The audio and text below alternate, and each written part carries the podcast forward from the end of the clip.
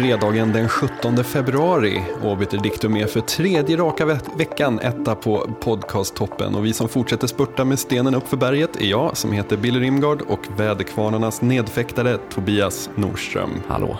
Hej. Eh, eh, Du nämnde något om någon bloggtopp. Shh, vi låtsas. Aha. Vi måste, man, man ska, måste börja med någonting. Ja. Roligt också att, vi har, att det här är andra veckan vi kör och det är tredje veckan vi ligger i topp. Ja, precis. Men det kanske var lite så här överspill från eh, säsongsavslutningen som så här lyfte oss redan innan säsongen började. Eller hur?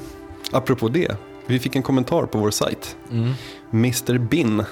Um, eh, undrar om han är Mr Bin till någon annans Mr Hex. Ja, okej. Eh, han skriver i en kommentar så här, eller hen skriver i en kommentar så här. Eh, alldeles för långt uppehåll. Jag trodde faktiskt ett tag att ni hade tröttnat och lagt ner alltihop. Ja men det har vi ju inte. Nej, det har vi ju inte. Det är jävla krav alltså. Alltså någonstans är det väl så här att vi får tyvärr ingen, eh, vi fick avslag på våra konstnärslöner från eh, eh, staten. Kulturrådet. Kulturråden, tack. Ehm, så jag vet inte, om vi inte hittar någon, så här, om vi inte hittar någon grym finansiering på något sätt så det är väldigt svårt att göra 52 veckor med 52 veckors tablå. Men jag tycker Ja. ändå att vi är ganska så här, vi levererar ju fler podcastavsnitt än en eh, random tv-serie gör per säsong. Men eller hur? Eh, Och vi har framförallt när vi väl kör så har vi inga uppehåll liksom. Nej, Nej just det, vi, vi kör ingen sån här det tycker jag det är fan det sämsta med att vara intresserad av, av tv-serier. Det är när det är någon så här World Series-vecka eller Thanksgiving-vecka eller någon så här amerikansk högtid som liksom vi inte bryr oss om. Och så bara helt plötsligt så bara, vad gick det för serier den här veckan? Nej, det gick inga serier. Mm. Nu när vi har sagt det så kommer jag precis på att vi hade ju faktiskt två, veck två veckors uppehåll i höstas. Ja, det var för att du var i USA, men det är också en slags USA-högtid. Ja, jo. När Tobias kommer på besök. Då stannar liksom Stanna Sverige. Ja, Precis. Mm. Ehm, jag har fått lite andra eh, lite annan respons också här från förra veckans avsnitt. Eh, Ohio, för att stanna i, i USA. Ohio, signaturen Ohio gillar inte Jean-Claude Van Damme-cirkeln. Vänta, jag måste bara säga först. Den, den där kopplingen du gjorde nu, precis, precis den där, vad heter det, stanna i USA. Det är därför det är du som jobbar på Sveriges Radio och inte jag, Billy. Det för att du, du, du är så kvick och plockar upp de där bollarna liksom. Jag tyckte den var ganska B, helt ärligt. Men det, det kanske funkar så här i någon slags populär... Det kanske är så här... I de breda lagren så kanske den sortens kopplingar funkar. Gärna med en Oldsberg-blinkning in i en kamera också. Ja men eller hur? Eh, Ohio i alla fall. Eh, hen gillar inte Jean-Claude Van Damme-cirkeln och skriver Måste säga att Jean-Claude Van Damme-cirkeln är en riktigt dålig idé. Känner ingen som helst sentimental nostalgisk koppling till snubbens filmer och kan garantera att begränsningen till att enbart se hans filmer stänger ut en hel del människor som kanske skulle intressera sig annars. Känner till två andra lyssnare som inte heller är överförtjusta i idén. för, för det första så måste jag ge cred att använda det gamla greppet jag och många med mig. Det, det, fun- precis. det funkar ju liksom. Alltså en, en är ingen men tre är ändå tre. Liksom. Han är verkligen, han är vän av ordning, Ohio. Hur ställer vi oss till, till den här kritiken då? Är det, en, är det en dålig idé? Jag tycker inte det. Jag tycker det är en, fortfarande en ypperlig idé. Eh, Alltså det är ju som så att vi, eh, eller ypperlig, alltså det beror ju på, med Oddpod-mått mätt så är det väl en väldigt bra idé. Ja, jag skulle säga att, eh, ja precis, det, det, det, det är på något sätt eh, en dålig idé som vi har alla möjligheter att göra bra liksom. Eh, och Ja. det, det, det är väl det, vi- det vi gör. Du skräder inte orden här, det blir bra. Ja. Vi, vi gick ganska hårt åt oss själva i förra, förra veckan. Eh, sågade vår backkatalog och sånt. Men nu kanske vi kan vara lite, lite malligare. Men jag tycker det, det, det är ändå det, det är liksom ett klädsamt svenskt eh, jante... En, en klädsam svensk janteskrud som jag, eh, som jag tycker att vi mer än gärna borde ikläda oss. Mm. Eh, annars, annars den finaste kom- kommentaren förra veckan var ju från Fia. Åh vad jag har saknat er. Ja, För jag, det- alltså, jag har ju saknat Fia också. Det är en av mina favoritlyssnare, definitivt. ja, vad ska man säga? Jag blir nästan rörd här. Det, det, det är fint. Jo men och sen, alltså Fia är så fantastisk också för att hon är Det finns ingen som hyllar oss mer när hon tycker vi är bra. Det finns ingen som har, har sån brinnande indignation när hon tycker att vi har gjort fel heller. Det är exakt så eh, alla lyssnare borde vara. Men jag, tänker så att ett bra, när vi har lyckats med ett, en, en, show, det är när vi inte får massa aggro från henne. Då är det ett bra avsnitt. Ja, Ehm, jag trodde att det var, eh, jag trodde i, till kopplingen till Ohios eh, kommentar om Jean-Claude Van Damme så trodde jag att det var Peders kommentar som du skulle nämna. Ja, men jag ville bara bolla upp Fia här för att eh, men jag har saknat Fia. Mm. Men det, den är svår att segwaya till Ohios Van Damme. Som sagt, å, återigen, det är därför du jobbar på Sveriges Radio och inte jag. Jag taggar det här inlägget med segway frågetecken. Ja, precis. Ja. Ja, men Peder, han, han skrev ju också av sig där lite om Jean-Claude Van Damme-cirkeln. Eh, eh, och han skrev så här, tänkte bara nämna, på tal om att ingen tagit upp Van Damme seriöst, att jag och en vän skrev vår B-uppsats i filmvetenskap 09 om just Van Damme. Mm. Eh, Left for Dead, Burning for Revenge är titeln. Det är en otroligt bra titel på en B-uppsats för övrigt. Det är det, ja. Men alltså, alltså Peder, lyssnar du på det här? Du måste skicka den här uppsatsen till oss. Ja, det är en pdf är obligatoriskt skulle jag säga. Eh, Jag vet inte, vi kan, man kanske borde gå in på någon sån här diva eller någon sån här, eh, sån här portal där man lägger upp, eh, lägger upp eh, alla sina B-uppsatser. Jag gör det direkt medan vi, medans vi pratar. Vad Den kanske finns. Du, du menar att den kanske ligger och slaskar ute i cyberrymden bara det att vi inte har eh, Ja, vi, vi har inte researchat helt enkelt Nej, precis, precis. Vad heter det?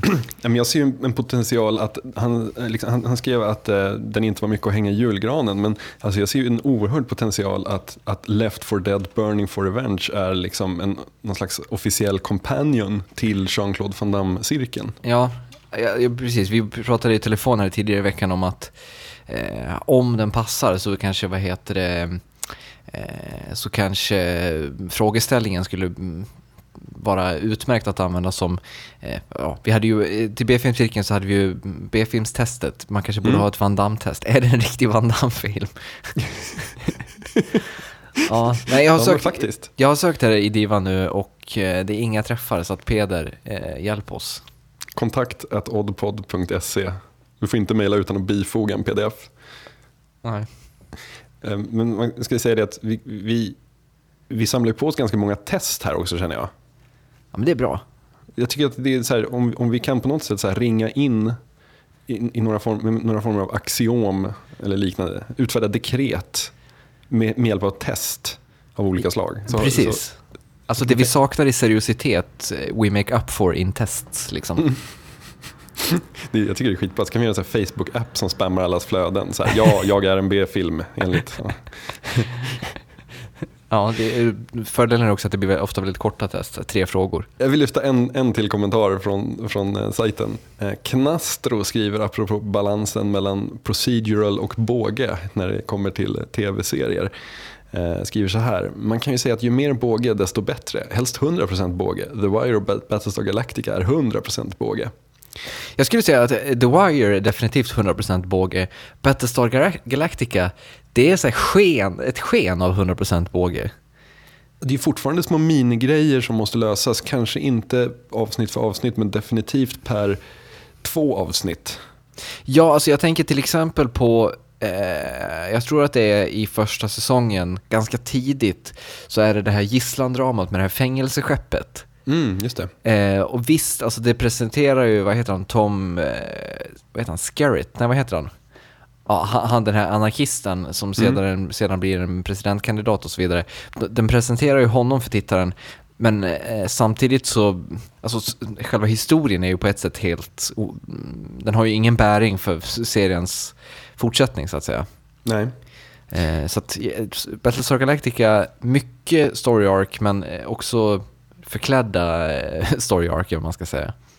Och det, jag, det jag tänker direkt när, liksom, när jag läste det, det är ju lite det här för sådana som oss så är det ju så. så här, ja, vi, vi vill ha jättemycket. Eh, en, vi, vi, vi vill att det ska vara en, som en lång film, bara det att den är 100 timmar lång liksom, i slutändan.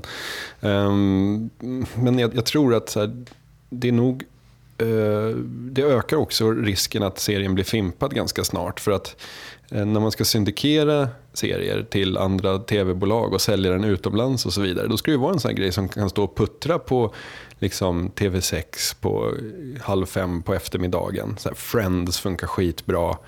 Um, alltså den sortens serier som, som man egentligen inte behöver ha följt, hängt med i. Liksom. Du kan missa fyra säsonger av Friends och när, när du kommer tillbaka så är Joey fortfarande arbetslös och de hänger fortfarande på sitt unkna jävla fik. Liksom. Mm. Um, och jag tror att så här, eh, risken att tv-bolagen skjuter bort eh, eh, de stora ARK-berättelserna är nog större än att man låter någonting ligga och puttra eh, som, som funkar avsnitt för avsnitt. Med det sagt så är ju alltså, några av mina absoluta favoritserier är ju liksom rena procedurals också. Eh, alltså jag tänker på mm, i princip alla Star Trek eh, varianter är ju liksom mm, ofta rena procedurals. Mm. Eh, och även eh, X-Files, inte 100% eh, procedural drivet men det är, det, alltså till stor del så är det ju bara lösa avsnitt liksom. Mm. Det jag gillar med Star Trek är ju dock den, den dolda bågen. Alltså man tänker Next Generation, den dolda bågen som lanseras redan i den lite konstiga piloten på det här när de ställs inför rätta i någon konstig så här parallellt universum. Mm. Um, och hur den, utan att man fattar det riktigt, har spelats ut då över sju säsonger när man når slutet. Det... Men du, ja, nej fortsätt. Jag insåg just att jag spoilade hela Star Trek Next Generation, men har man inte sett den än så är man förmodligen inte benägen att göra det. Så att de, de som vet vad jag menar, de får ta med, ta med sig det goda minnet från avs, dubbelavslutet, dubbelavslut, äh, avsluts, dubbelavsnittet All Good Things. Men vad heter du som är riktig Next Generation-konnässör? Mm. Eh, har du sett de här, uh, vad heter det, uh, screen grabsen från Blu-ray-utgåvan? Nej, det har jag inte gjort. Eh, de har ju liksom eh, snyggat till det jävligt mycket. Mm. Eh, och liksom vissa bilder eh, så ser det bara, liksom, man ser att det är väldigt mycket bättre bild. Men i, i flera fall så ser det liksom, det ser lite, fla, lite för flashigt ut. Mm -hmm. Alltså grejen är, jag försökte kolla om Next Generation. Uh, alltså, backstory, jag tror inte vi, vi har inte pratat om det här i, i Obiter Dictum. Vi, vi, har liksom gått i 61 avsnitt utan att ha liksom verkligen fördjupat oss i Star Trek-nörderi, vilket är, det är väl någon form av bedrift kanske. Ja, men det är ett, det är trumfkort att spela ut där vid, vid avsnitt 250. Jag är helt slut på alla sorters ämnen. Då bara, Star Trek, hur känns det? Vid, vid avsnitt 200 någon gång, då drar vi igång Star Trek-cirkeln och ser alla avsnitt av alla Star Trek-grejer någonsin. ja, um, nej men Next Generation, alltså en, en gång i tiden så var jag ju verkligen uh, Star Trek, uh, jag, skulle, jag vet inte om man ska använda ordet trekkie eftersom det kanske antyder vissa andra saker. Men kalenderbitare om man säger så. Eh, jag, kunde, jag, jag använde en väldigt stor del av min hjärna till att, att memorera namn, händelser eh, och, och så vidare. Och Next Generation har jag ju sett i sin helhet de sju säsongerna säkert tre gånger eller någonting. Eh, men det var väldigt, väldigt länge sedan jag gjorde det och för typ två år sedan så började jag och min sambo kolla om, kolla om det där. Men det fanns någonting som var ett problem och det är det att den började ju spelas in typ 87 är det va? 87 eller 88. Jag, du ser jag har tappat så mycket att jag inte ens kommer ihåg det. Mm. Um, men den är ju filmad i det här, vi pratade, vi pratade när vi hade B-filmcirkel om uh, original Captain America, hur snyggt 30-talet var på 80-talet. Mm. Um, och det är ju lite samma filter. Det är det här varma, lite dimmiga, eh, eh, vad ska man säga, eh, eh alltså lite så här blurriga.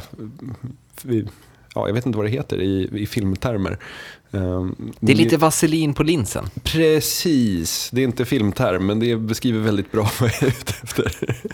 ja, jag tror att det är ganska mycket vad heter det, filmspråk. Jag för mig jag läste i utställningskataloger för Gimadin och sånt där. Så det, det, Okej. Okay. Mm. Ja. Um, det var lite svårt att ta till sig just det här färg, hela färgskalan och sånt just när man har sett Battlestar Galactica och eh, Stargate Universe och alla de här liksom modernare serierna som ändå är väldigt mörka. Um, så var det väldigt svårt att ta sig till den här glimrande färgskalan. Liksom. Ja, men, men samtidigt, eh, finns det inte ett värde i det samtidigt? Jo, alltså man blir ju glad när man ser Gainans hatt. Alltså, det är ju det är alltid fantastiska hattar hon har. Ja. Så att... alltså jag har ju inte sett he hela Next Generation. Alltså grejen är att sista säsongen, åh, det är sånt åka av. Det är så sjukt, sjukt bra då. Men grejen är att så här, att det går inte att hoppa in i sjunde säsongen utan man måste Nej. ha liksom sett, man måste ha varit med ända från början för att ja, eh, det är då det händer saker. Jag har ju sett, jag har sett hela, hela Voyager. Ja, just det. Just det. Eh, jag, jag, jag, jag har en känsla av att det här handlar om att du, vad heter det, är några år äldre än mig. mm, Alltså att du, för dig gick eh, Next Generation på tv medan du gick i skolan, för mig gick Voyager på tv medan Mm. jag gick i skolan. Precis, precis. Jag, jag har även för mig att du har berättat någon gång att du har sumpat ett betyg i engelska på eh, gymnasiet eller när det var, på grund av The Next Generation. Det var samhällsvetenskap faktiskt, för vi hade, ju- hade, ju, hade ju dubbeltimmar på Eh, tisdagar och torsdagar hade vi dubbeltimme från typ två och framåt. Bara det att just tisdagar och torsdagar så körde, jag tror det var femman som körde original series i eh, repris 14.30 just tisdagar och torsdagar. Så den där dubbeltimmen i samhälle, eller de där båda dubbeltimmarna i samhällsvetenskap, de rök kan jag säga. För då var jag hemma och kollade alla dem. Eh, Det var ju dock jag jag original har för mig du har sagt att du var hemma och bandade dem. du, jag satt och bandade dem och pausade när reklaminslagen kom. Det var därför man inte kunde sätta Jävlar. videon på, liksom, man kunde inte sätta videon på, på record för att ja, man ville ju sitta och klippa bort reklamen. Liksom. Ja, det var tider. Produktionsvärdet i de VHS, men det var det jag värderade till idag. Du, de rök faktiskt i sista flytten här. ja, vad fan. Jag, ehm, jag har sparat dem av sentimentala skäl för jag har ju gjort typ liknande sak med Next Generation. Ehm, men sen bara fan, typ 80-100 videoband liksom i en stor jävla kartong. Jag har inte ens någon VHS-spelare kvar. Så de rök. Ja. Men du, eh, Comic Book Man. Ja, jag har Såg inte sett du den. den? Nej. Eh, för de som inte vet det då, Comic Book Man det är alltså en eh, ny tv-serie som går på AMC producerad av eh, Kevin Smith. Eh, den, den är, Kevin, Smith har ju ett litet podcast-imperium med smodcasts eh, och en av de här heter då Tell them Steve Dave. Och det är väl i princip den kan man säga som ligger till grund för hela den här tv-serien. Den handlar om, eh, om Kevin Smiths, ehm, eh, om hans serietidningsaffär i New Jersey. Eh, jag kommer, därför, bara därför kommer jag inte ihåg vad den heter nu. Men eh, i alla fall, och den följer då de som arbetar där. Ehm, och liksom, själva, själva premissen kan man väl säga är att det kommer in folk ehm, det kommer in folk och vill sälja häftiga saker. Mm. Eh, Bland annat då i första avsnittet så är det en snubbe som kommer in och har en, eh, en, en teckning av eh, Batman och Robin av Bob Kane. Mm. Det är alltså då Batmans skapare och vill, vill liksom sälja den till dem.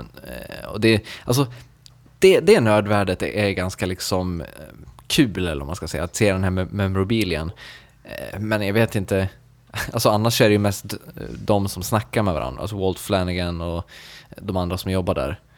Eh, Och jag vet inte, det är inte jättekul, men det är liksom så här, alltså det, man kan på, jag, slås mycket av sig tanken att generation X har spelat ut sin roll lite grann. Mm. Alltså, de kan sitta där och tugga liksom. Nu ska ju, nu ska liksom Anders Locke och Christian Lok startar en eh, podcast. Det, det känns lite samma sak där. Det kommer säkert bli jätteunderhållande, men det känns ganska så här eh, utan, eh, utan ambitioner liksom. Ja, ja, jag håller med. Alltså, jag vet, det, det finns ju någonting i det här, vad ska man säga, män runt 40-45 som nu ska på något vis blicka bakåt. Ja, fan, jag, samtidigt som jag säger det så inser jag man 35 har jag suttit och pratat om gymnasie eftermiddagen när han satt och bandade Star Trek. Så att skit, skit samma, jag har ingen åsikt. Låt dem ha, låt dem ha sin serietidningsaffär och sin podcast. Det blir jättebra. Yes.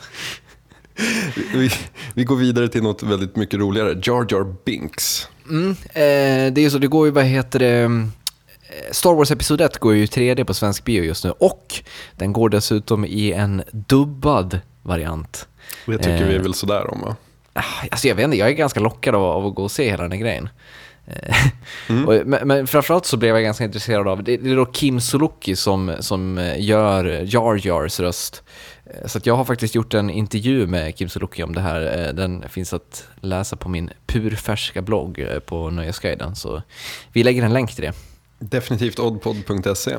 Yes. Och mer Men, Star eh, Wars-kontrovers i veckan. Ja, eller hur? Alltså i veckan här så, så gick ju Lord, George Lucas ut och sa att, eh, att det definitivt var Greedo som sköt först. Alltså att det inte var Han Solo som sköt först. Det är den berömda scenen i, i den här kantinen i, i första filmen där eh, Han Solo träffar på Greedo som är någon slags eh, prisjägare som är ute efter, efter Han Solo då. Och, eh, alltså i originalversionen då, den, den första bioversionen, då är det ju så att Han Solo, han mer eller mindre avrättar ju Greedo.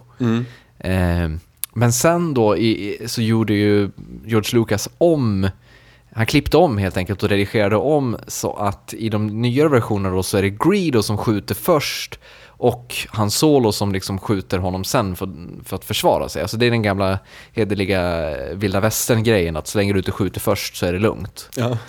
Eh, och det här tar, det tar ju liksom udden av Hans Solos ka- eh, karaktär totalt på något sätt. Mm.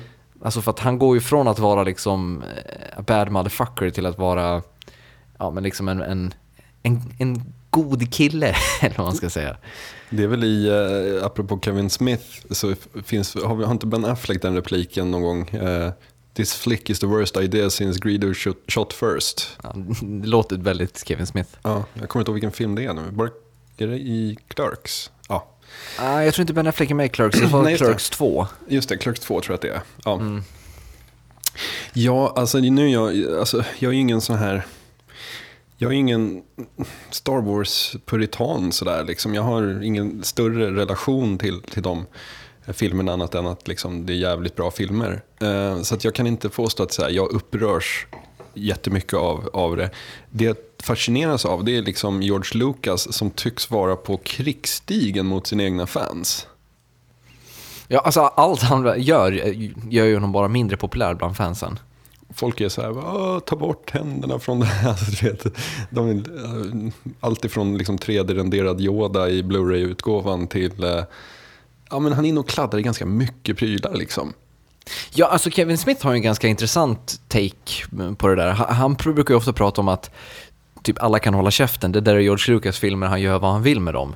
Eh, eh, och liksom, poängen George Lucas gör är väl att han vill liksom att, eh, han säger ju alltid att det, det är så här han vill att filmerna skulle ha varit från början men att tekniken inte fanns för det.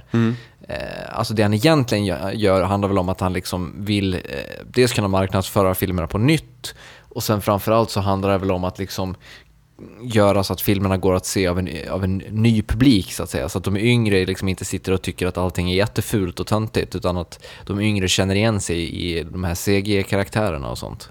Jag känner att just vilken, eh, vilken kontroll ska man, alltså vilken kontroll har man över det man har skapat? Det känns nästan som en diskussion som så här, vi borde ta upp kanske redan i nästa vecka. Ehm, ska, ska vi efterlysa lite tankar kring, kring det här och nu? Här, Mm, det tycker jag låter som en bra idé. Så om- kör vi Van Damme-cirkeln och eh, upphovsmakarens rätt Ja. i nästa vecka. Helt enkelt, när man har skapat någonting, ehm, ett universum eller någonting, är man fri sen att göra vad fan som helst i det universumet eller har man skrivit ett kontrakt med fansen att vissa saker sker där och eh, det funkar inte att göra vad som helst? Och, eh, och, och liksom måste det vara i de här eh, vad ska man säga, kultförklarade stora episka universumen som det gäller? Eller gäller det även typ så här, jag vet inte, den här podcasten? Liksom? Ja, Jag menar, ska vi gå det- på det så var- låg nivå? Ja men alltså det, ja, men det var en, det var en liksom, det var ett, vad ska man säga, retoriskt exempel. Ja, jag förstår. Ja men liksom just där innehållsdeklarationen så här, ja.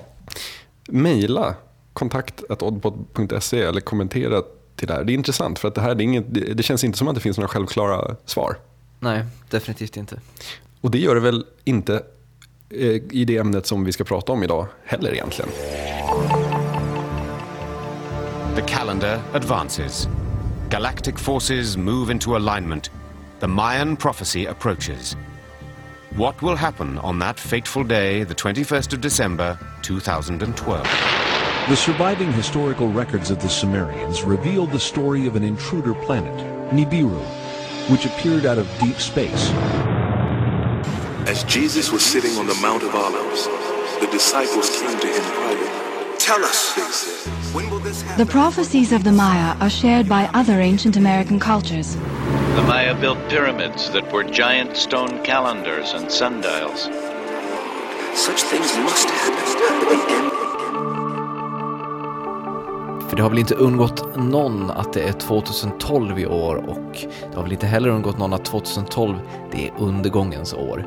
Eh, det, de flesta teorierna kring varför jorden ska gå under nu 2012 eh, de utgår väl från maya-indianernas kalender och att den då ska ta slut i och med den 21 december i år. Eh, och det här är självklart någonting som vi på Betedictum tycker är intressant och eh, ett, ett, vad ska vi säga, ett lovande tema. Ja, Va- Eller vad säger du? min- minst sagt. Alltså det, det finns ju någonting med det här. Eh, alltså när, när man en gång har konstaterat att så här, 2012, 21 december, då, då tar det slut. När, när, när det på något vis har blivit ett kort som ligger. Eh, så är det väldigt intressant att se hur många olika teorier som sen trycks in då för att försöka så här, eh, förklara det här datumet. Att, eller liksom att förklara eh, varför det går under då. Uh, och det är det jag tänkte, det, det, det måste vi nästan rota i lite i här känner jag. jag nu när vi, vi är på god väg in i 2012 och uh, ja, vi, vi blir ju inte visare av att inte lyfta på några av de här stenarna känner jag. Ja, och sen också, alltså det som gör just 2012 lite intressant, eh, det är ju liksom, alltså vi hade ju den här galningen i fjol, den här eh, kristna evangelisten som pratade om att jorden skulle gå under, nu kommer jag inte ihåg vilket det var, vad datum det var, men det kändes ju mer som en isolerad galning, medan 2012 nu, det känns, det känns som att det finns betydligt mer belägg, betydligt fler teorier och betydligt fler bevis på att, på att eh, vi kanske går mot slutet just nu. Bevis får stå för dig. Vad ska vi säga? Indicier. Det finns väldigt många bollar i luften. Du, vågar, du, klar- du kan inte ens sträcka så långt som indicier alltså. Eh, vi får väl se i slutet av den här sändningen om vi har, eh, om vi har liksom kommit fram till någonting. Ja. Men det kanske är värt att eh, gå in lite grann i alla fall i detalj på hur den här Maya-kalendern ser ut. Eh, för att eh, alltså den är ju den är uppdelad i någonting då som kallas för baktun. Eh, och det är liksom då som någon slags tidslig måttenhet. Och en baktun då ska då motsvara ungefär 394 år. Eh, och Maya-indianerna då var väldigt duktiga på att räkna ut eh, tid då på hu- hur, eh, alltså när, vi, liksom sådana saker som vilka årstider som skulle inträffa när och sånt. Och tanken är då att eh, den här trettonde baktunnen som vi är inne i nu, den går ut då den eh, 21 december 2012. Eh, och pro- problemet då är att i den här maya-mytologin eh, så, gick, så ska då den förra världen, eller den förra skapelsen, den ska då ha gått under i och med starten på den 14 baktunnen.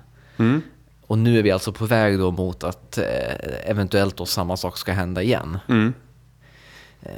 jag vet inte, den är jag ska säga det också att alltså hela det här kalendersystemet, det är ganska komplicerat att förstå. Det är ganska många olika måttenheter och de är inte alls särskilt, eh, vad ska vi säga, jättelogiskt uppbyggda eller man ska säga. Eller de är logiskt uppbyggda men komplicerat uppbyggda. uppbyggda, uppbyggda. Jag, jag har läst att det är någonting som heter The Great Cycle. Som är, är alltså en, en, ett tidsspann som, som sträcker sig över 5125,36 år. Ja, Och man liksom lägger den över den gregorianska kalendern, eh, som är vår tideräkning, så börjar den den 13 augusti eh, 3114 f.Kr. och slutar eh, 21 december 2012. hur många år sa du? Du sa 5122 sa du det? 125,36. 125?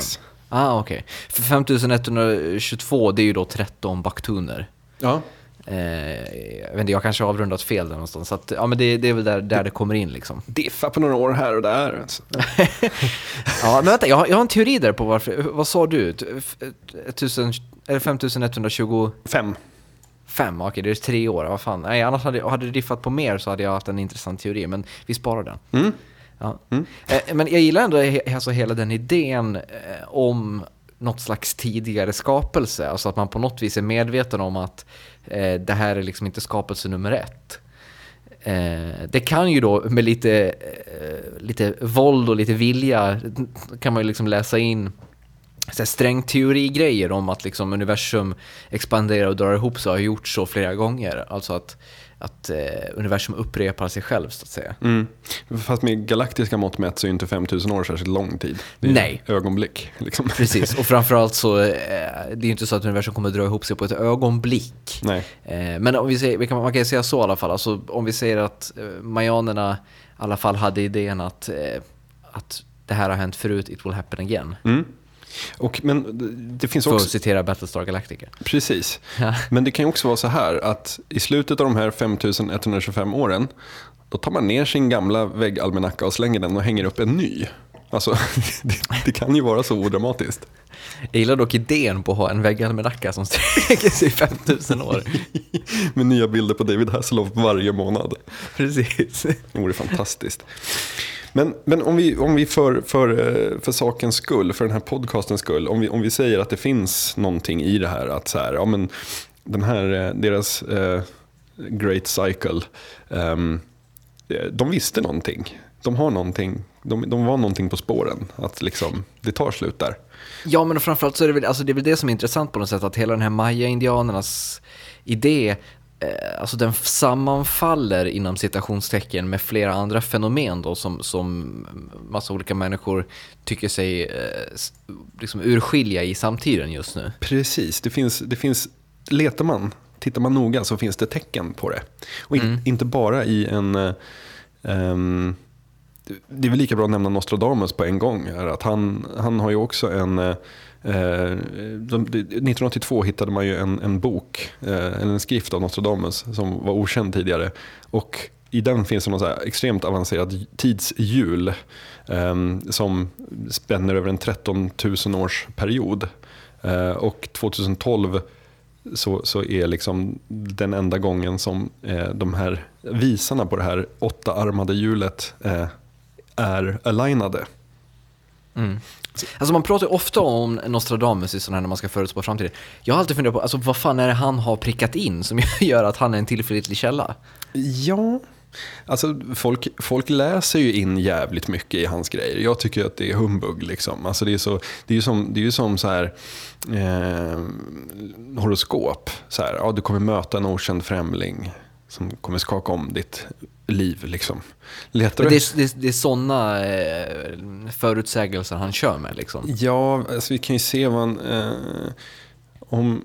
Eh, nu ska vi se hur snabb jag är på att- speed, eh, speed-googla. För det, det jag har hört som liksom har varit en sån grej, det var att han så här, förutspådde Hitler. Precis. Och han- Och att han sa då att in, i någon cykel så skulle det komma en man född i lejonets tecken eller vad fan det var som, som skulle åstadkomma stor skada mot mänskligheten eller någonting in, sånt. in armor of steel they will make the great assault when the child of Germany will heed no one.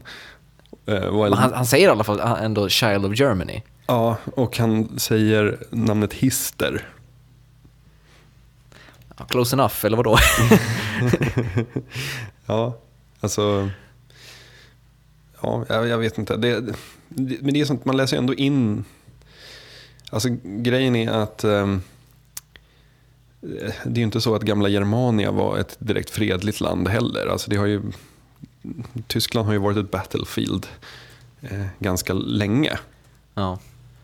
Ja. Sen, jag vet inte, vi, vi, vi ska kanske inte säga för mycket. 2095 eller någonting, då föds den här jävla hister och eh, ödelägger hela världen. då, då blir det åka av. Men det är det, det, är det argumentet man alltid kan falla tillbaka på också. Att, eh, alltså med sådana här förutsägelser om framtiden att, eh, att det liksom, nej men det har inte hänt än. Och det är väl det på något sätt som gör 2012 intressant, för där har vi liksom ett, ett specifikt jäkla datum på när det ska ske. Liksom. Det finns ju en ganska stor nätcommunity som kommer att bli väldigt så här, tom på innehåll den 22 december. Ja, Fast, å andra sidan har ju en tendens att alltid flytta fram positionerna. Då är det någon som bara, upp, kolla, vi har räknat fel. Det är ju 2023. Så, här, så köper man sig 11 år till. ja, men tror du verkligen det med den här grejen? Det är väl ganska så här, väl dokumenterat och fastslaget att den här Maya-kalendern går ut 21 december. Jag gillar att du försvarar liksom hela upplägget här. Det, Jag, jag vet, det, det, brukar vara du som är, du brukar ju vara Mulder liksom, men, men nu är det jag, jag vet inte, jag, jag gillar det här på något sätt. Fast jag, jag är lite sugen nu på, om vi, om vi, som sagt, vi utgår ifrån att eh, det är så. Mm. Vad ser vi för tecken? Vad ser vi för tecken? Eh, var ska vi börja? Vi kan ju börja med att vi har haft ett par jävligt starka jordbävningar de senaste åren. Eh, Chile, Japan, Turkiet. Det- var två sällsynta jordbävningar på amerikanska östkusten förra året. Och det här skulle ju kunna tyda på att någonting så här fishy is afoot i jordskorpan. Eh, och allt det här skulle ju kunna vara då tecken på att en supervulkan håller på att få ett utbrott. Okej. Och en supervulkan, det finns sex, sex kända. Eh, en i Japan, en på Nya Zeeland, en i Indonesien och sen givetvis tre i USA. För hur, hur kan det inte finnas tre i USA? um, exempelvis, Men det, Sumatra, var ligger den? det är Indonesien va? Det är väl den, eh, det är väl den vad heter det, så, som man har pratat om, den här supercykeln som håller på att slutas, eller? Mm. Eh, det är den, alltså, man, man säger ju att, eh, att, det, att det är någon slags jordcykel på 74 000 år som håller på att gå runt nu. Och då efter, för 74 000 år sedan så skulle då Sumatra ha haft ett så mega utbrott som liksom eh, höll på att utrota allt liv på jorden nästan. Eh, och då efter 74 000 år då ska det här ske igen. Eh, och då ska liksom jordbävningar och sånt vara tecken på det. Och I princip hela Yellowstones nationalpark är ju en sån här supervulkan tror jag. Och- Island är väl också eh, Nej. mindre. Nej, det, Den är helt inaktiv eller? nej alltså de Nej, är för, det är det ju inte. Vi hade ju för något år sedan. Ja, fast de är för små för att klassas som supervulkaner. Men, men födde inte typ den vulkanen på Island, födde inte den hela Island? Jo, fast den är fortfarande för liten för att kallas för supervulkan. Det är det Ja, som är... det, det, jag, kö- jag köper inte det. det. Det är bara... Du ska få se du i december när, när den så vaknar på nytt. Hette den Katla? Hette den så? Ja, precis. Eh, Ja, jo, Katla. Det är liksom, finanskrisen, det var bara början. liksom. Fast, fast grejen är som sagt, hela Yellowstone är en sån supervulkan. Um, eh, vi såg ju i samband med att Eyjafjallajökull hade sitt utbrott här för två år sedan är det nu va? Um, Mm, ja, stämmer nog. Då så såg ju vi på filmen Volcano, kommer du ihåg den? Um, men, men, alltså en sån här supervulkan, skulle den få utbrott så är det extremt dåliga nyheter. För då så skulle det bli en sån här atomvinter efteråt. Eller atomvinter, vulkanvinter kallas det ju för. När det liksom är eh, aska som täcker solen och hela, hela det där kittet. Så det är en, ja, där kan vi vara Men, någonting men samtidigt, är inte vi, eh, alltså människan är väl fortfarande väldigt kapabel att överleva en sån vinter, är det inte så? Jo, men eh, det beror väl på lite. Det, blir ju, det är ju svårt att liksom... Det är svårt att odla saker. Jag menar, vi kanske skulle fixa det här som är liksom rustade för kyla och så vidare. Men det kommer bli jävligt kallt. Jo. Ja men alltså jag menar, vi överle- människan överlevde under en istid liksom. Jo, Ja, ja. Men, äh, men som, det, det som är även intressant med hela supervulkan-teorin är ju också att den rent visuellt korrelerar väldigt bra med flera så religiösa beskrivningar av undergången. Eh, Alltså jag tänker så här, svavelregn och eldiga skyar och mörker och liksom eh, all, allt sånt. Ehm, det, det rimmar ju väldigt bra med dels då alla liksom då religiösa berättelser om undergången och då supervulkanen. Så man kanske hoppas lite på den ändå. den, Det, det känns lite sexy på något sätt. ja, men den är cool. Det tycker jag. Det, den är cool, speciellt när man får liksom betrakta den från tryggt avstånd. Men eh, om vi rör oss vidare mot någon, någon teori som eh, inte härstammar på jorden då? Ja, vi kan ju gå rakt in i Galactic Superwaves kanske. Ja, det, det, låter ju, det, lå- det låter ju lovande. Alltså Galactic Superwaves, vi, ska, vi, vi kanske inte ska uppehålla oss där så länge, men det är alltså från mitten av galaxen så kommer det ungefär var 13 000 år en slags tryckvåg som okänt varför den, eh, varför den kommer. Ehm, Men det är väl, det, tanken är väl att det sker genom slags gravitationsskiftningar i det elektromagnetiska fältet i Vintergatans mitt eller någonting sånt där. det är någon som glömde eh, knappa in 4, 8, 15, 16, 23, Ja, men 42. typ. Ja. Jag kan säga, jag, jag, när jag sa det, jag citerade något sånt här konspirationsforum. Ja, okej. Are you hem? Sitter en liten skotte i mitten av galaxen och trycker på en knapp. ja, precis. Eh, men tydligen så är det riktigt risigt för att först kommer en, en så här, först, först så kommer det en, en EMP och sen så kommer så här gamma ray, eh, gamma ray eh, regn liksom.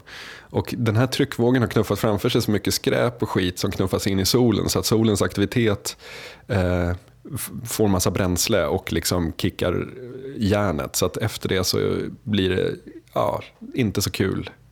Ehm, De, de, de pratar om att det är en Galactic Superwave var det som eh, fick slut på förra istiden. Ja, kanske. Jag läste också på, på något sånt här forum, de pratar om att, alltså, eh, att det är liksom extra eh, prekärt den här gången för att eh, den här gammastrålningen då, den ska liksom ha spets på av en, en stjärnexplosion som skedde för några tusen år sedan i eh, Sagittarius-systemet. Eh, och den ska då ha satt igång en reaktion som ha- har satt eh, och igen då, jag citerar, den ska ha satt, satt rymdväven i gungning. Eh, och att det är då det liksom, vi har sett redan liksom, de tidiga spåren av den här gungningen då i och med till exempel tsunamin 2004. Eh, så att jag vet inte. Den känns, det känns lite trist den här Galactic Superwave känner jag. jag kan känna att den är lite för vetenskaplig. Vi märker liksom ingenting förrän vi är typ fried. Eller liksom allt slutar funka och så bara, "Jaha, okej, någonting hände i mitten av galaxen. Så här. Det, ja. Vi kanske ska, om vi ska prata så här outerworldly threats, så kanske vi ska ra- gå rakt på det som är min favorit tror jag. Du, du, jag antar att vi kommer in på Nibiru nu. Nibiru. Nibiru. Det låter som en karaktär i Star Trek Next Generation. Det låter som en sån här eh, liksom Gojiras eh, nemesis eller någonting. Ett, ett, ett stort krabbmonster eller någonting. Godzilla vs Nibiru. Det är en bra film.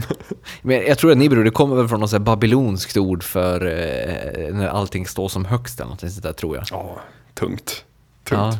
Jag får nästan döpa om podcasten till det känner jag. Um, Nibiru är även känd som Planet X. Eh, Det är ju en annan beteckning för den kan man säga. Ehm, I korthet, om vi ska dra, dra, dra ett synopsis av Nibiru innan vi går in på detaljerna. Så är det så här att Nibiru, teorin om Nibiru det är att det finns en planet eller en stor himlakropp. Alltså kanske liksom så stor som Jupiter. eh, Eller kanske inte riktigt så stor. eh, Som är i en lång, lång, lång omloppsbana runt galaxen. Och den är på kollisionskurs med jorden den här gången när den passerar. Eh, Och vi kommer upptäcka den för sent och sen så är det över. Typ. Eh, Lars von Triers Melancholia är ju inne på det spåret. Där det dyker upp en gigantisk planet bakom solen som vi inte har sett. Eh, Och det här är ju en, eh, den är, det är ju en väldigt potent teori just när det gäller 2012 eftersom det verkligen är så, oj kolla där, nu har vi en vecka kvar. Alltså den är väldigt, ehm, ehm, man behöver inte gå in på allt det här med, med, med gammastrålning eller, eller jordskorpegeologi och sånt, utan man kan bara skrika Nibiru och ta skydd typ. Alltså om du kommer en planet så hjälper det inte så mycket att ta skydd men Kanske inte. det är liksom så här, petflaskorna i frysen med vatten, det är... Åh, vilken fail i veckan. Vi, hade ju, eh, vi pratade ju i vårt postapokalypsavsnitt om, det var ju tips från managen att man alltid skulle ha frysta petflaskor i frysen för att liksom ha färskvatten och sånt när postapokalypsen kommer. Och jag har ju faktiskt lytt det rådet fram till nyligen när jag tog ut dem för, på grund av platsbrist i, i frysen. Och sen i veckan så var det vattenläcka här ute på gatan så liksom vi hade vattnet avstängt i typ ett dygn. Och då stod man där med liksom dumstruten på huvudet och petflaskorna stående på köksbänken. Liksom. Ja, det var, eller de var ju uthällda, vattnet var ju uthällt då. Så att, Du kunde liksom inte offra en påse pommes frites för din egen, eh, för att säkra din egen överlevnad. nej, så vi fick evakuera till föräldrahemmet istället. Ja, Ja. Fet fail på den, rent spontant. Men Nibiru, ni- återgå till, om vi återgår till Nibiru, Ja. alltså den har ju även en sj- sjukt rolig origin story, hela den teorin. Ja. Det är så, den kommer ju då från, återigen då, inom citationstecken, och den här gången stora jävla citationstecken, hobbyastronomen Nancy Leader. Eh, och det här då så kommer liksom, på rad nu så kommer då alla argument som skeptiken då bara kan vända mot den som argumenterar för Nibiru. Det är då att Nancy, hon säger att hon har hört talas om Nibiru genom sin förmåga att ta emot telepatiska meddelanden från utomjordingar genom ett implantat i hjärnan. Eh, och de här utomjordingarna då, de ska då komma från Zeta Reticuli-systemet. eh, och de har då skickat en varning till Nancy om att en himlakropp ska svepa genom solsystemet 2003. Eh, hon har sedan då skjutit fram det här datumet. Och det ska i sin tur då förändra jordens polaritet. Eh, och då ska liksom allting gå åt helvete. Så, men alltså liksom hela den här grejen med att någonting ska kollidera med jorden, det, det ska då ha uppstått vid ett senare tillfälle bland här, diverse undergångsgrupper. Det, det tillhör inte, det är inte kanon så att säga. Nej, precis. Eh, och det är fortfarande väldigt så obekräftat om varelserna på Zeta Reticuli vet om hela den här nya teorin. Då. Och det roliga är ju att Nancy's, Nancy, vad heter hon? Nancy Reading, Leader. leader. Eh, när hon lanserade den här teorin så var det ju en snubbe som hette Zakaria Sitchin som blev vansinnig för att själva namnet Nibiru kommer från honom. Eh, han har ju nämligen studerat gamla babylonska texter och kommit fram till att de gamla sumererna, de hade ju alltså eh, eh, var, var 3600 år eh, så är det en gigantisk planet som passerar jorden och när den gör det så kan eh, människorna kommunicerar med de utomjordingarna som bor på den här planeten. Men någon kollision eller liknande är det inte alls tal om. Så att han gick ju direkt i clinch med Nancy när det liksom talades om att det var katastrof på gång. För att han, han ser ju Nibiru som någonting bra, att det är, liksom, det, det är good shit som händer där. För det var så sumererna fick sin, sin stora vishet.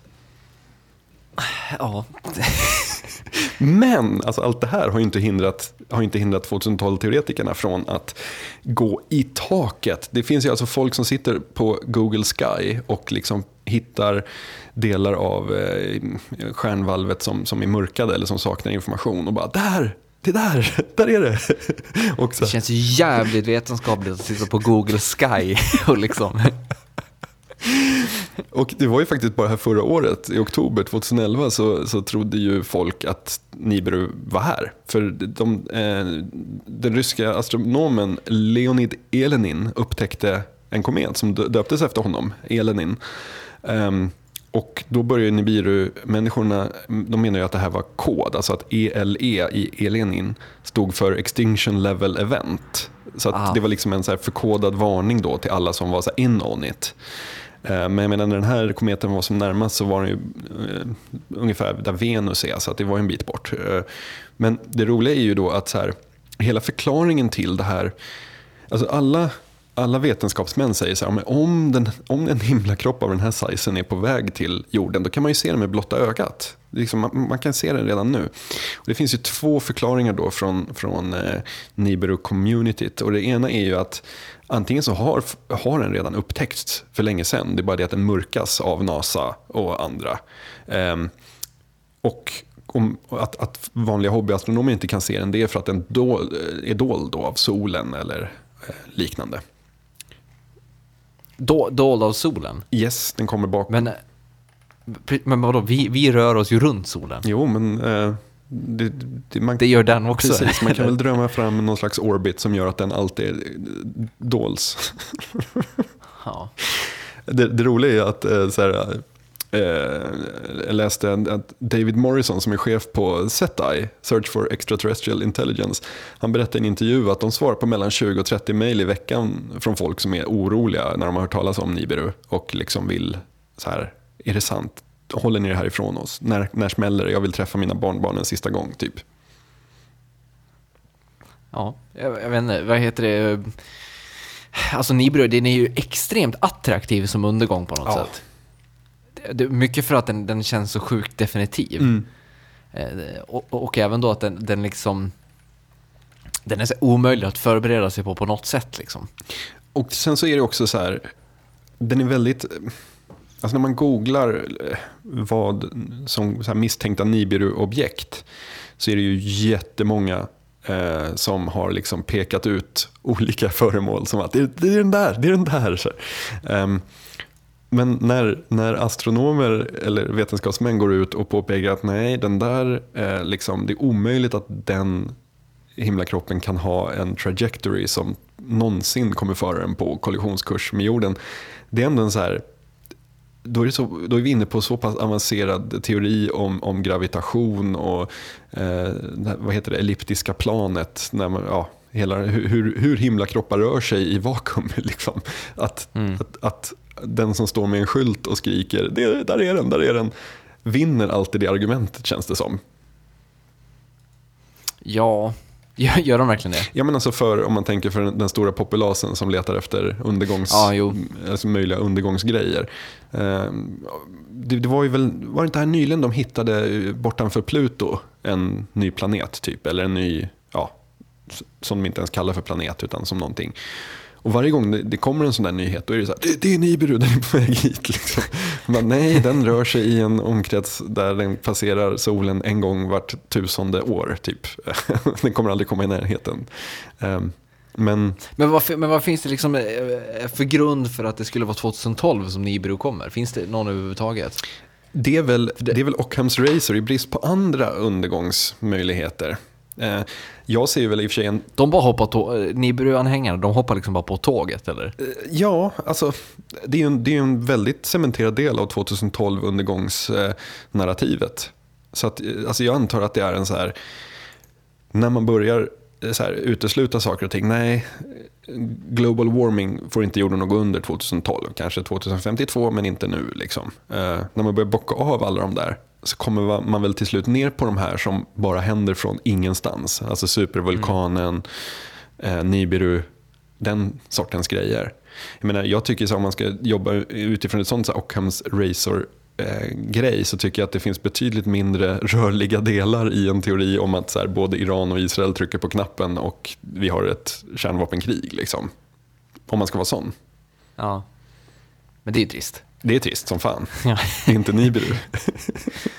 Men det sjuka också, alltså med hela den här 2012-grejen, eh, det är också, alltså, eh, alltså många verkar ju tro på det. Det är jättemycket kändisar som tror på det här också till exempel. Mm. Woody Harrelson, Mel Gibson, eh, Lil Wayne, Mm. eh, Janine eh, Garofalo, Montel Williams. Alltså alla, alla, det, det är ju någonting som folk verkar liksom vilja, vilja sluta upp kring. Jag tror att det är så här, en, om man tar en sån här grej som eh, the solar maximum, som är en annan del av 2012-teorin. Det är ju att solen går igenom en så här 11-års cykel i aktivitet. Eh, eh, Där, där den liksom börjar lågt, ökar, ökar, ökar och sen går, går den ner igen. Och under liksom piken så förekommer det solstormar och det är ju liksom det är faktiskt ett riktigt problem på jorden. Alltså så här, det, det, det händer ju skit när, när det är solstormar som är kraftiga. Liksom. Eh, och nu är den ju på toppen, alltså 2012 så ska den ju nå sitt solar maximum. Ehm, och då är det väl väldigt lätt att så här, ropa varg just därför att det liksom synkar med ett årtal. Eller vad man ska säga. Ja, men det är väl på, alltså samtidigt, alltså Nibiru aside, eh, och, och, och även vad heter det, mm, Solar-grejen. Alltså, det som gör det på något sätt intressant också är att alltså, många av de här teorierna de lutar sig på samma saker. Alltså att det finns, att, alltså, det är jordbävningar och det är tsunamis och alltihop. Mm. Eh, De, de liksom använder de här grejerna som bevis. Eh, och jag vet inte, borde det inte finnas ett tydligare bevis om de, nu, de här sakerna nu vore så vattentäta? Eh, Du vill ha bevis? Då så ska vi, eh, det är så här. Det här är också en väldigt så- sån, sån kul grej. Du nämnde att Nibiru, eh, när den kommer så får den jordens poler att skifta och då så eh, blir det jobbigt. Eh, är, är inte det som är grundplotten i The Core? För övrigt. Ja, det kanske det är. Det var sjukt länge sedan jag såg The Core. Fan vad jag blev sugen på som The Core nu. Men jag tror att det, den bygger på att så här, polerna har skiftat. Ja. Ehm, och det roliga är att för, eh, förra året, eh, förra våren, så var eh, Tampa International Airport i Florida var tvungna att stänga för att de skulle måla om eh, sina landningsbanor. Det är nämligen så att man måste märka landningsbanorna efter ehm, hur, ja, på vilka breddgrader den ligger, hur många liksom, grader ja, hur, hur inflygningsgraden är, så att säga.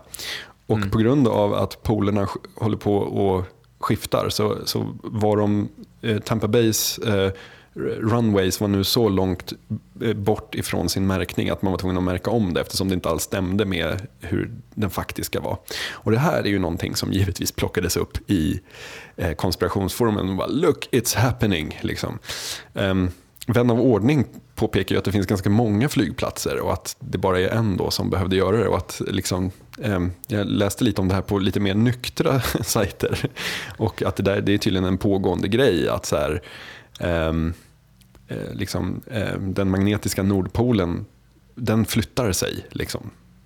Det, det kan man inte göra så mycket, mycket åt. Eh, 40 miles per år har den gjort det sedan 1831 och det, det, här har ökat. Men det var 1831, det var då det började? Ja, precis. Och det, här, det har ökat och man, uh, av någon anledning så spår man att det kommer fortsätta fram till 2050 och sen avta. Mm. Men, men just det här då att, att, när man ser då att Tampa Bay International Airport bara stänger och målar om liksom, eh, sifferbeteckningarna på alla runways eftersom de inte längre stämmer med hur den verkliga världen ser ut. Uh, där är dina bevis. Go write a blog post. ja. Alltså jag vet inte, jag, jag, jag, är ju eh, nästan mer attraherad av de här liksom eh, personerna som, som, som vad ska vi säga, formulerar de egna bevisen. Jag inte, har du sett eh, Jack Van Imp? Nej. Eh, han är så tv-evangelist i, i USA, självklart i USA. Um, han har spelat in en en och en halv timme lång specialare som finns på YouTube om just 12 december 2012. Mm. Eh, där han då argumenterar för att det här liksom är undergången. Eh, hans argument är då självklart hämtade från Bibeln och främst då Matteus evangeliet. Mm. Eh, där det står att det ska vara 42 generationer tror jag det var mellan Abraham och eh, the coming of a Christ. Mm. Eh, och sen då så ställer han upp som en, en någon slags ekvation då som är här, omöjlig att hänga med i. Där liksom det han då menar att man måste räkna om hur, hur, lång, eller hur lång en generation är och massa saker. Eh, och det han då kommer fram till är att Kristus då ska komma igen 2019. Mm -hmm. Och då är det liksom så här, ja, men det är inte 2012. Nej, för man måste dra av sju år för The Rapture. Ah, förstås. Förstås. Yes. Eh, så det är då, vad heter det, och han, men även han då använder ju liksom alla de här jordbävningarna och tsunamis och sånt som ett slags bevis för att det här håller på att hända. Eh, och att vi liksom snart är där då. Det är, ja. Det... Jag kan dock, jag kan dock det, alltså jag förstår grundidén för honom är väl liksom att eh, ragga fler anhängare eftersom att han då mm, erbjuder någon slags frälsning och så liksom kan man vara lugn då när the rapture äger rum. Eh, men man kan även, alltså, samtidigt känns det liksom konstigt att hålla på och driva så hårt på en argumentation när man på något sätt borde inse att, alltså det jag menar är att han själv vet ju att han sitter ju safe. Mm när Messias kommer på nytt så han har ju liksom varit den gode. Så, så liksom varför lägga ner så sjukt mycket energi på det här? Men, men när, när vi liksom när uppryckandet kommer och vi liksom åker in i vedermödorna, tror du att vi kan hålla podcasten igång då? Det beror väl lite på. Kommer Niboro så är det ju kört. Ja. Precis. Eh, då, då, får vi sända liksom en avslutande Niboro special där den, den 20 december och sen tacka för oss. Fan vad fint det skulle vara. Det skulle vara ett bra avsnitt tror jag. Ja, vi, vad heter det? Vi borde ju liksom i så fall nästan liksom anordna någon slags liten träff där vi samlas ja. och eh, inväntar bor. Ja men faktiskt. Det, det, ska vi göra det? Vi, vi, vi liksom, det bestämmer vi här och nu. I och för sig, man kanske vill vara med sina nära och kära. Apropå nära och kära så måste jag bara säga det. Eh, det här med Solar Maximum, om, om en sån storm kommer. Och den kommer slå ut väldigt, alltså den, den, eh, EMP-strålarna slår ju ut liksom el. Vilket gör att så här, ja, men okej, telefonen kommer inte funka, vatten kommer inte funka, elen kommer inte funka. Sådana saker. Och Managen har ju en, en eh, förberedelse för det här också. Vi pratade om det eh, på, puben här om veckan. Att eh, man köper komradios till sina nära och kära och kommer överens om en frekvens. Så att när det blir solar maximum och liksom all, alla kommunikationer dör så kan man ändå så här teama upp med sina nära och kära. Därför att alla vet vilken eh, frekvens de ska ratta in. Men eh, de går väl på kortvåg, gör de inte? Mm, ja, det kanske de gör. Men du menar att... Det slås väl också ut av en, eh, en solgrej? Ja, rimligen. Ett hål i managens överlevnadsplan. Det är lite otippat. Ja. Eller hur? Vi väntar oss mer av ja, vi, får, än så. vi får återkomma till det nästa vecka tror jag. Och med undergången bakom oss, men även kanske framför oss, så ska vi ändå ta och runda av dagens avsnitt. Eh, som vanligt då med postscriptum. Eh, och jag tänkte tipsa om ett eh, album av The Caretaker. Han gav tidigare i år utsläppet Patient After Seaball” eh, och nu då så ger han bort olika outtakes från det här albumet gratis eh, på sin Bandcamp-sida. Så att det är bara att bege sig dit och streama och eller ladda ner. Det är eh, han som håller på och tar så här gamla 20-tals eh, dansgrejer och håller på och tweakar och gör oerhört läskig musik av, eller hur? Jajamän. Jag vill tipsa om en blogg som heter, och det här namnet är jag nästan rädd för att uttala, Archaeological Hexeities. Um, ehm, det är Johan Normark som är arkeolog vid Göteborgs universitet som, har, som studerar maya-kulturen. Eh, och på sin blogg eh, så slaktar han effektivt alla påståenden kring 2012-teorier. Ehm, eh, jag förstår inte hur han orkar sitta och eh, skriva dessa långa, extremt insatta och detaljerade eh, avfärdningar av allt galenskap som påstås om 2012 där ute. men jag uppskattar att läsa det väldigt mycket. Jag har följt hans blogg nu de senaste tre åren och den är värd att bolla upp i ett sammanhang som, som detta. Det är skönt ändå att du bollar upp lite saklighet så här, avslutningsvis. Ja, någon form av heder vill jag gå ut med här. yes. Och det var alltså allt för Obiterdictum denna vecka. Glöm inte bort att titta på Bloodsport till eh, nästa vecka då vi på allvar kickar igång eh, Eh, Van Damme-cirkeln. Vi kickar igång den. Ja, titta! Jag fick in en Sveriges Radio-grej ändå till slut. Tack för oss, vi hörs nästa vecka. Ha det bra.